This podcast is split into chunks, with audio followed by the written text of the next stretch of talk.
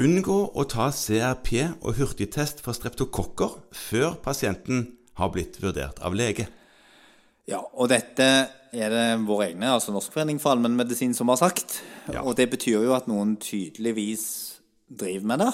Ja, tror du ikke det er ganske sånn mm, rutine hos flere at eh, når de kommer med en akutt problemstilling som handler om vondt i halsen eller mistanke om infeksjon, så setter de som mottar pasienten, opp disse prøvene, og så blir de noen ganger tatt før legen får sett på dem? Det kan godt være det er sånn det er organisert. Og hvis det er sånn, så sier jo dette Gjør kloke valgrådet at det skal man ikke gjøre. Nei. Og grunnen til det er jo ganske enkelt at uh, her er det stor risiko for, for å rote med noe som, som du har snakket om i en annen podkast en gang, eller vi har snakket om. Ja, hva da? Ja, positiv og negativ prediktiv verdi av tester. Og sånne ting, ja. Ja.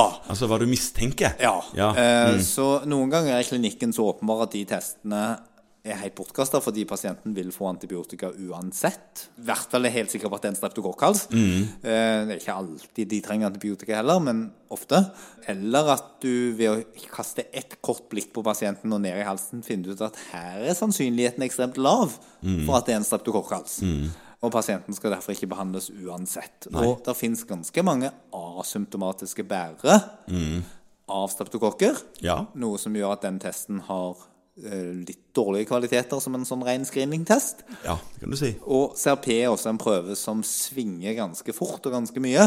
eh, Som gjør at du må være ganske sikker på hvor du er i forløpet.